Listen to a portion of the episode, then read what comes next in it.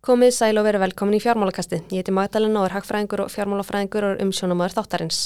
Þátturinn tekin upp í Nóa Siri stúdíu í podcastuðarinnar. Fjármálakastið er hlaðar fyrir áhuga fólkum fjármál, hagfræð og efnagsmál. Þættinir kom út einu sinni viku inn á allar hæðstu hlaðarsveitur og inn á podcast.is.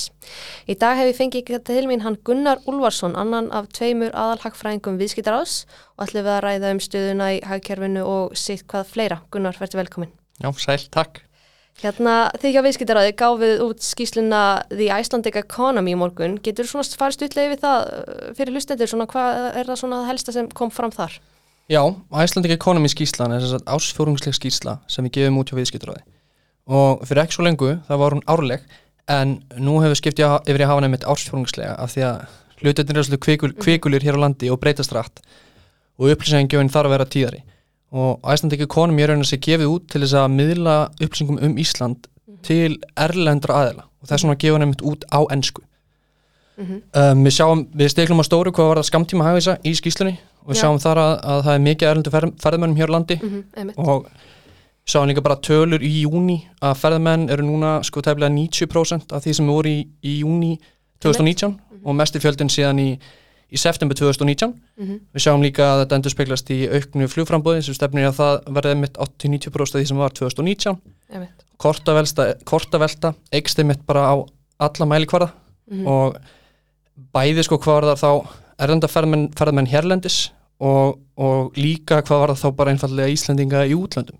150% vöxtur á milli ára Einmitt, einmitt. Það hérna, kom fram í skýslunni að sagt, það, því spáða að, að, að það komi hérna á bylunu 1,4 til 1,6 mil, miljónir ferðamanna til landsis árinu og 1,7 til 1,9 miljónir ferðamanna á því næsta. Svona, hversu hratt telur þú að ferðamanna gerir muni taka við sér? Ég sjáum að hann er að taka mjög hratt við sér mm -hmm. og sérstaklega með þetta auknar flugframbúð. Það er bara í bóði fyrir ferðmenn að koma hingað Mm -hmm. Við sjáum líka að þó sem þetta sé ekki jafnmarki ferðmenn þá eru að fá slatta af þeim. Um, það veldur svolítið á því held ég sko hvernig það takir við sér auðvitað svolítið þróun bara í, í hérna um, alþjóða bara málunum hvað var það mm -hmm. sko átök og slíkt og hvernig fólk vill ferðast og erum að sjá að kýmesski markaðurinn alltaf þá bara svolítið úti væri með þetta til að, til að fá þau líka. Svo veldum við líka fyrir sér sko hvaða þýðir að hérna bæði hvað Heathrow og Schiphol flugveitilnir er, mm -hmm. er að byggla til uh, flugfélag að sagt, hætta að selja ferðir núna í sumar aukalega, það er búin út af álægum sem myndast þar. Ástandið af flugveitlinum er náttúrulega bara hræðilegt sko. Já, þannig maður hugsa sko, hvað geti það haft einhver áhrif, maður veit það ekki alveg. Nei, nei, nákvæmlega, það er svona mikið lóðist að þar.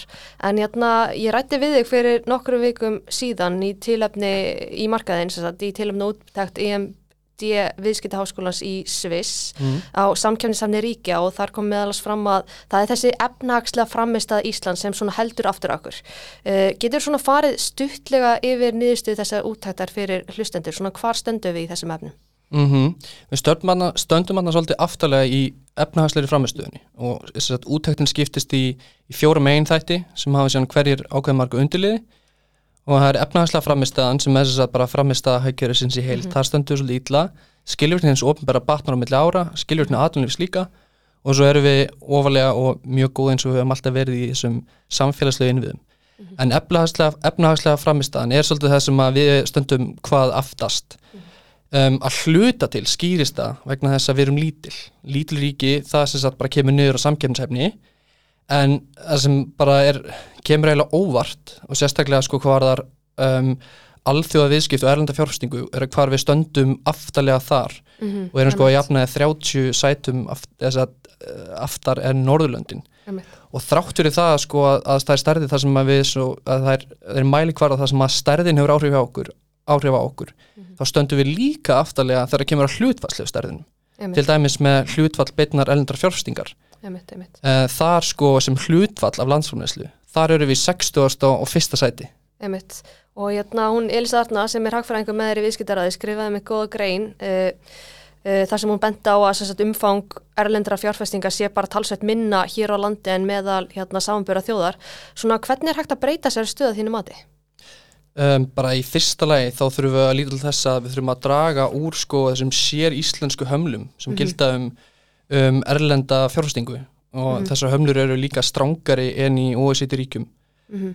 um, það eru meðal annars takmarkanir á ákveðnar atvinnugreinar svo sem fjárfestingar erlendra aðli í sjáretvei og, og flugrekstri. Þó svo síðan það er einhver undan þá þegar kemur að, að þessu þaki í erlendra fjárfestingu í flugrekstri. Og hömlur samkvæmt sko útækt eða samkvæmt viðmiðum EMD eru þrefalt meiri á Íslandi en meðal OECD ríkjana Mhm. og það er aðeins Mexiko og Nýja Sjálandi mitt sem eru með meiri hömlur en við Einmitt, telur að sé svona vilji eða svona pólitísku vilji til þess að ráðast í eitthvað þessu sem þú nefnir? Já, maður ætlar að, vona það. Og sko við sjáum líka að, að sem sagt, í fyrsta lagi að, að, að erlenda fjárstingin var, var hérna svona lág sem sagt 30% af landsframlust í fyrra. Uh, hún var 35% á tímabilinu 2017-2021 en fyrir 10 árum, rúmlega 2010-2015 var hlutfallið sko 62% þannig að þetta hefur versnað með tímanum um, þegar við vorum að kynna þessa niðurstöður þá fengum við mitt Lilju Alfreðs ráðherra til þess að vera með okkur og svolítið þar tókum við sérstaklega fyrir aðrendu fjárfestinguna og alþjóðviskiptin og þar er mitt bara gaf hún beint út uh, á, þessa, á sínu erindi á kynningu niðurstana EMD sem viðskiptaráðu og Arjunbanki heldur saman. Mhm. þar gaf hún út að, að það þyrfti að liðka fyrir aðrendur fjárfestingu. Mhm. og maður vonar sko einmitt að núna sé bara vilji til þess Já, vonum það svo sannarlega, en hérna, ég ætlaði nú uppálega að fá þig hérna rétt eftir viðskiptaþingi sem var haldið í mæ, en það voru svona útlend, ég fór til útlanda og svo framvegis. Uh, fórum meira þess að bæði til útlanda Við fórum bæði til útlanda. en hérna, uh, þið hérna gáðu út skýslu í kjálfar þingsins, þar sem þið mm. nefndu svona nokkur atrið sem ættu svona betur fara til þess að hér sé að byggja upp svona góðan vinnumarkað hér á landi. Uh, til dæmis hérna, ebla alltjóðlega nám, liðka fyrir komu Erlends vinnuafs og svo framvegis. Getur Mhm. svona farið stuttlega yfir hvað mætti breyti þessum efnum að þínu mati? Uh, já, við tökum bara sérstaklega fyrir sko í ljósi skortsins sem, sem búum við og stefnir fram á þegar kemur að vinnuafli og sérhæðu vinnuafli Mm þá þurfum við bara að skapa umhverfið á Íslandi, bæði sem sagt vinnumarkað og, og fyrirtæki sem fólk vil, vil vinna hjá þó svo að það reyndar er alveg persónulega að fólk vil vinna á þessum fyrirtækjum um, þá þurfum við ekki aðeins sko að, að tryggja sagt að liðka fyrir komur eldra sérfræðinga með einhvers konar sko um, það er ekki endilega því að laga umhverfið og ströng sem að fólki vil í koma heldur er það líka ímislegt sko í í umsóknarferðlum sem er að bæta.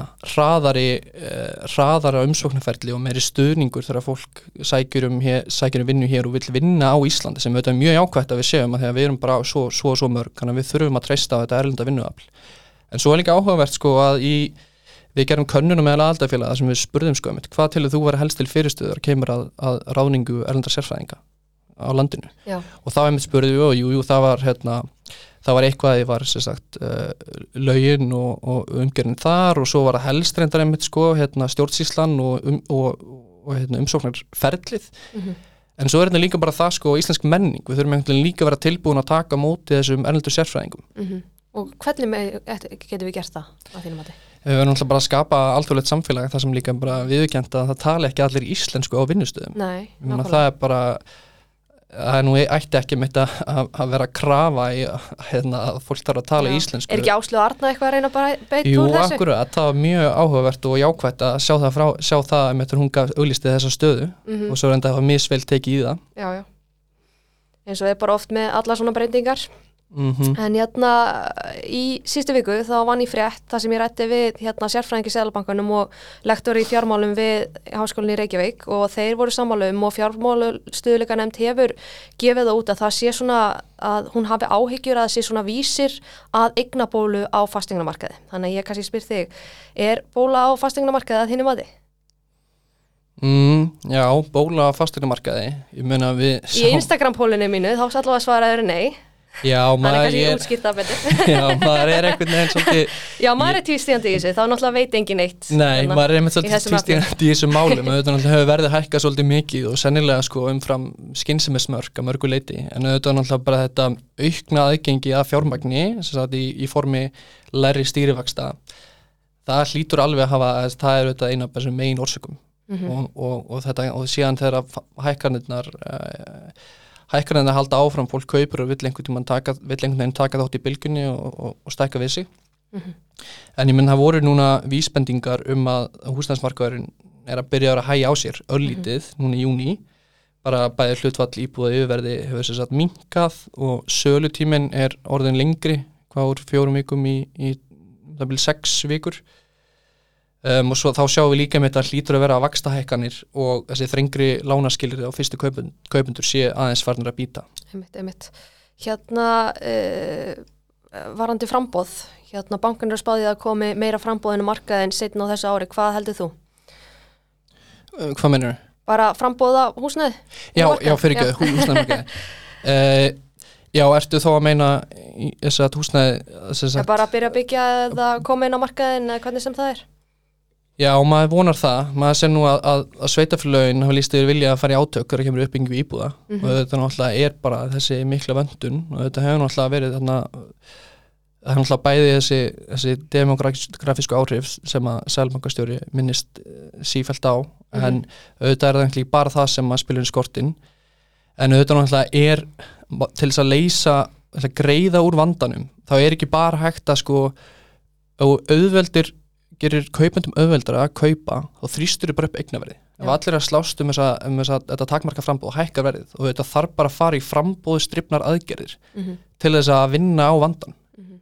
þannig að maður vonar að þetta gerist Já, einmitt, klálega, en þá að verbulgunni, hún mælist núna 8,8%, uh, Íslandsbanki er að spáði að hann fara upp í 9,3%. Uh, hvað heldur þú, megum við eftir að sjá verbulguna að fara upp í tveggjastæða tölu eða múnum bara staldra við þarna rétt undir tveggjastæða tölunni? Sko, maður er með líka svolítið tvístingandi í þessum, þessum verðbólgu veðmálum sko, það er náttúrulega margir með svona veðmál í gangi í tveggja staðatöru veðmálum, maður hefur mikið af þeim. Það eru sumi með sterkar skoðanir það, Já. ég held að sjá þetta að segja. sko, ég að minnst kosti hef heyrt það frá, frá greiningadeildum að það þurfi ansi mikið að justera í, í mótulum til þess að verðbólgan fari svo hátt. Já, en maður heyrða líka að þrátt fyrir sko þessi, þessi spá sem satt 9,3% núna í júli þá heyrir maður að, að sumir sko telja að það sé ekkert allar verðhækkanir komna fram Nei, og að þessi áhrif auðvitað að koma til Íslands kannski með smá með smá laggi, þannig að maður þarf aðeins að býða og sjá. Ég meina við skulum bara vona mitt að að hún, að hún að rætist það sem að greiningaraðilar og, og, og spár halda að hún muni byrja þarna þess að, að hún náði toppi þarna í, í um lók mitt ár og fara að hérna Einmitt, einmitt. Hérna en svo er það í þessu líka, nú eru kjærasamningar lausir í haust. Ég spyr alla að þessu sem komið inn að þátt sko, ég veit Mhm. alveg hversu oft ég er að spyrja að þessu sko. okay. Hérna, uh, telur það að vera stærremna kjara veðraður eða telur það að náu svona einhvern veginn breið samstæði með þetta kaupmáttin? um, sko, maður svona vonar að þeir aðilar sem er að fara að semja bara síni skinnsemi og ábyrð þegar kemur að þessum mm Mhm. -hmm. því að þetta náttúrulega er sko vinnumarkaðurinn er bara einn armur hagstjórnar Einmitt. og þetta náttúrulega bara launahækkanir umfram sveigurum það náttúrulega bara leður á sig meiri verbulgu og ef þú ætlar einhvern veginn að fara að vinna á verbulgunni með launahækkunum þá Já. bara fer þessi vikslverkun í gang. Klárlega, en telur Og- það að það verði stremnar eða? það er svona búin að slá ákveðin tón í, þessu, í, þessum, í þessum viðræðum. Já. maður vonar hefnist við til og það verður bara að líta í, í, í sko á starendinar Mm um, það er nú bara færri og erfitt með að ná endum saman núna en bæði 2015 og, og 2018 og kaupmáttur hefur aukist frá byrjun Mhm. heimsfaraldrar þar til nú um Mhm. 6% Já. og hann hefur aukist allt í gegnum heimsfaraldrin það er ekki nema síðustu nokkru mánuðum sem að kaupmátturinn hefur örlítið rýrnað. Þannig að það er nást hei, hellingsávinningur og við verðum einmitt bara að, að standa að vörðum með þessa kaupmátturaukningu og ekki reyna að býta sko, sérstaklega á erlenda innfluta verðbólgu með launahækun Mhm. við verðum einhvern veginn bara aðeins að býta á jakslinn og, og leiði þetta í gegnum okkur eða leiði þetta sett bara hérna í, í gegnum án þess að vera einhvern veginn að berjast við henni með launahækun Klárlega, heyrðu áður en við förum í tala og léttu nótunum, þá ætla ég bara að spyrja er svona eitthvað við, sem þú hefur við þetta bæta, eitthvað sem kom kannski fram í Icelandic Economy sem þú vilt ræða nánar. um, Já, ég kom reyndar ekki inn á hann með verðbólguna en sérst að bara jákvætt sko þetta erum við að hugsa hérna um verðbólgunni hérna á landi og við vitum að verðbólguvæntingarnar hafa hækka gríðarlega og markaðsæðilar hafa ákveðna væntingur verðbólgu og heimilin sko herri verðbólguvæntingar Mm -hmm. Um, það sem er jákvætt í þessum samanburði er það að maður lítur til dæmis til sko, samræmdu vísitölu neysluvers Mhm. sem er þá þarna það sem að er með við á evrusvæðinu ekki þess að íslenska mælingin og vísitölu neysluvers þá er verðbólga á Íslandi í mæ mæltist aðeins 5,4% en 8,1% á evrusvæðinu þannig í þeim samanburði þá má kannski segja að verðbólgan sé hlutvarslega lág emitt, emitt. En það er, skýrist vantanlega líka af því að húsnæðisliðurinn er ennþá bara að keira áfram þessar verðhækkanir en vonum við þetta að sé að, hægja honum í ljósið þessar talna sem byrtist bara núna í vikunni. Emitt, emitt. Hérna, uh, en já, eins og ég segði á hann, þá enda ég þáttir svona réttindóttunum og kannski ég byrja bara á, nú var ég og þú svona skólasirkinn í hagfræðinni Mm -hmm. og hérna, svona, akkur tókustu það ákvörðun að menta í hagfræði? Hvað var svona það sem heitlaði við það fag? Það var nú bara einfalda þannig að þegar ég var í mentaskóla þá var maður á, á einhverju braut og maður kannski valdi hana svolítið af, af handahófi og svo valdi maður línu og ég man að ég valdi mér sko, ég fór á sögu línu, mætti fyrsta tíman og sopnaði og hugsaði ég geti ekki gert þetta allavegna. Nei, Þannig ég hugsaði hvað annar er bóði, það var hagfræði og þegar ég útskrifast úr, úr mentaskóla þá einhvern veginn setur það eftir í mér og mér fannst hagfræðin heillandi já, og svo þetta var algjörl í grunninn Mhm. þannig að maður stökks kannski svolítið í, í djúbulögina um þetta að fara bara í hagfræðina bara byggt á hann einhverjum einn, tveim áfengum sem tók í mentaskóla en Nei. eins og sannlega sé ekki eftir þessu og, og gæti eiginlega ekki ímdum mér að gera eitthvað annað sko. nei, klálega. Hérna, uh, hvað svona finnst þér skemmtilegast að gera utan vinnu þegar þú ert ekki að liggja yfir einhver skýslum og greina hluti? Sko, núna spyrðu í júli og þá verði ég að svara golf, það er það það er, Er það ekki tímafrækt? Sko það er, það er náttúrulega margt tímafrækt og, og sérstaklega að segja tímafrækt sko eh, mann finnst ekki eitthvað sem er svo mér finnst golf það skemmtilegt að mér finnst það ekki tímafrækt Já. og ég minna maður getur bara miða kannski ekki alltaf að vera í fjóra klukktími í golfi maður getur verið skemmur en maður bara býr til tíma einhvern tíman á, á kvöldinu og svona eftir vinnu. Hérna finnst þið gaman að ferðast? Þú fórst nú til útlandin daginn? Já, akkurat, já, mér finnst það alveg geggja Ég fór til Ítalíu í lók mæ, vorum í Töskani alveg bara draumurinn, bara að vera þar Mm og svo reyndar fór ég líka til, til Skotlands núna í júni, sótti þarna uh, meistaragráðan mína þó sem ég útskrifaði, útskrifaðist sko 2020 voru meistaranámi frá, frá St. Andrews í Hagfræði í Skotlandi, -hmm. þá var hérna COVID áhrifin þannig að það var ekki hægt að halda útskrift Nei, nákvæmlega. Þannig að ég fekk loksins að mæta á mína einn útskrift núna síðastlegin júni. Hitti alla félaga mína og var í Skotlandi, frábært viður, spilaði mitt golf þar. Mhm. Þetta var bara, Hvað er svona skemmtilegsta land eða borg sem þið komið til? um, skemmtilegasta land. Ég held að ég sko, ég myndi kannski segja Ítalja, en svo hugsa ég til þess sko fyrra árinu þá fór ég til, eh, til sko Spánar Mm -hmm. og fórum, lendum í Barcelona og fórum í lítinn strandbæ við hliðina sem heiti Caea del Parafrugel það er staðið sem ég mæli með við fórum bara þangað því að það var ódýr villa og það var Já. COVID þannig að við fengum ódýra villu en þetta er bara þvílík matar, menning og skemmtilegt það er, ég get sagt að við vorum einu túristatnar í bænum og, og heimamenn spurði okkur ítrekkað sko af hverju við erum hérna Mhm. við sögumst ekki alveg vita en Nei. sáum ekki eftir að hafa farið þangað Já, ég hef alltaf aldrei heyrt um hann að staða. Nei, hafði ekki klárlega, heldur maður þarf- klálega að tjekka þessu. Já En hérna, ef þú ættir að mæla með einni bók fyrir hlustendur fjármálkassins, hvaða bók væri það?